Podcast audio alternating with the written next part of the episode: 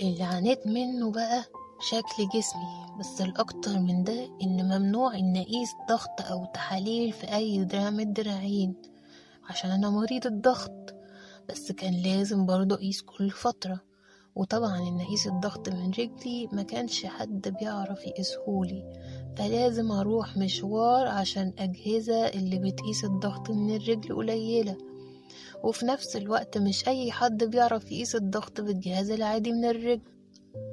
ده غير التحاليل لازم تتاخد من الرجل وفي أشعات كتير ما كنتش بعملها زي الأشعة بالصبغة بسبب إن محدش بيعرف يركبها لي لأن أنسجة رجلي ضعيفة وكانت بتوجع جامد. أنا مبسوطة إني كنت معاكي يا رضا. طيب تحبي توصلي أي حاجة من تجربتك وتجربة مرضك للناس؟ إن الواحد ما يستسلمش.